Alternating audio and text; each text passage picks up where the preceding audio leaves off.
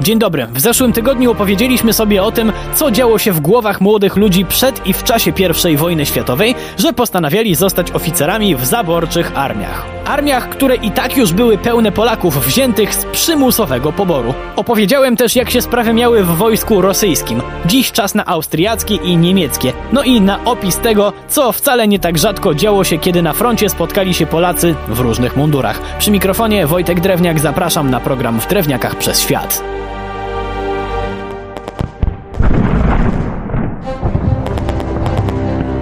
Jeśli chodzi o armię walczącą ku chwale Austrii, a żeby być poprawnym to już niech będzie Austro-Węgier, to fakt istnienia oddziałów, w których Polaków było mnóstwo, nikogo nie dziwił.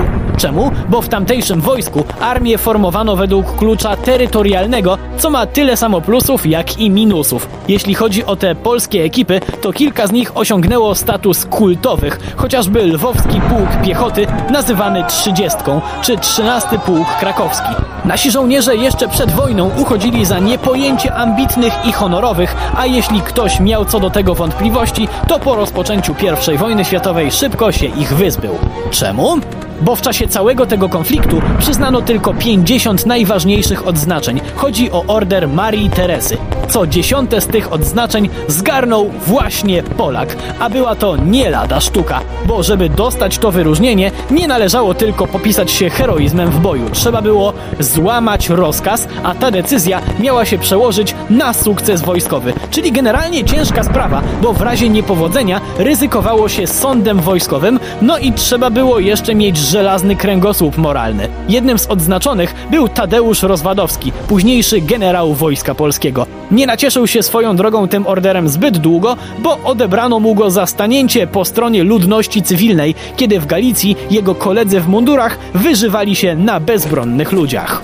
W Rosji nasi mogli sobie pomarzyć o najwyższych stopniach wojskowych, bo dla katolików były poważne ograniczenia w wojsku, a w Austrii teoretycznie drzwi do kariery stały otworem. Żadnych ograniczeń ze względu na religię czy pochodzenie, ale to tylko teoria. Wyższą szkołę oficerską w Wiedniu może i dało się ukończyć, ale o miejscu w sztabie można było zapomnieć. Tam było miejsce tylko dla Austriaków, ewentualnie Niemców lub Węgrów.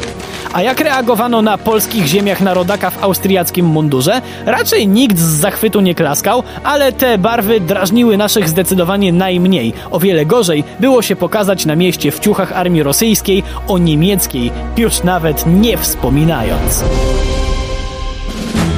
Serio? Aż tak? Jak najbardziej. W zaborze pruskim nikogo nie obchodziły intencje, że być może ktoś wstąpił do niemieckiej armii, żeby wyszkolić się, a potem walczyć o niepodległość Polski. Nie. Szkolić się można było w Związku Strzeleckim, a założenie niemieckiego oficerskiego munduru było największą wyobrażalną hańbą. I to niezależnie od statusu majątkowego. Czasem bogatym wolno więcej, ale nie w tym przypadku. Oficer pruski polskiego pochodzenia mógł zapomnieć o zaproszeniach na imprezy z dawnymi przyjaciółmi. W zasadzie ci bogatsi mieli szczególnie ciężko, bo oni po służbie często dostawali status oficera rezerwy. Żeby tego uniknąć, nie ujawniali przy naborze z jakich warstw pochodzą i woleli przemęczyć się ze zwykłymi szeregowcami, niż nosić potem to plugawe brzemię.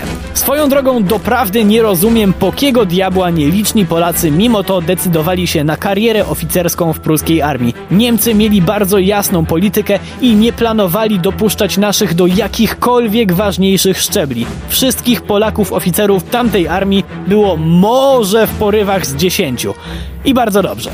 Kiedy jednak wybuchła I wojna światowa, to głównie zwykli żołnierze, a nie oficerowie, mieli sobie skoczyć do gardeł. W tym Polacy służący w armiach, które stanęły naprzeciwko siebie. Jednak bardzo często dochodziło do sytuacji wręcz niepojętych. Na przykład na froncie austriacko-rosyjskim. Kiedy raz na jakiś czas walki cichły, to ową ciszę po chwili wypełniały polskie piosenki śpiewane z obu stron frontu. Zwłaszcza w ważne dla Polski święta państwowe albo religijne a już zwłaszcza w Wigilię, bo choć dowództwo starało się ograniczać takie akcje, to naszych nie dało się powstrzymać i często wychodzili z okopów, żeby na ziemi niczyjej pośpiewać polskie kolendy i zjeść skromną, żołnierską, acz świąteczną kolację. A potem trzeba było wrócić do okopów i po kilku dniach strzelać do siebie na rozkaz. To musiało być okropnie ciężkie. Na szczęście czas, kiedy polscy żołnierze mogli założyć te same mundury, zbliżał się wielkimi krokami, ale to już opowieść na inny raz. Przy mikrofonie był Wojtek Drewniak. Do usłyszenia.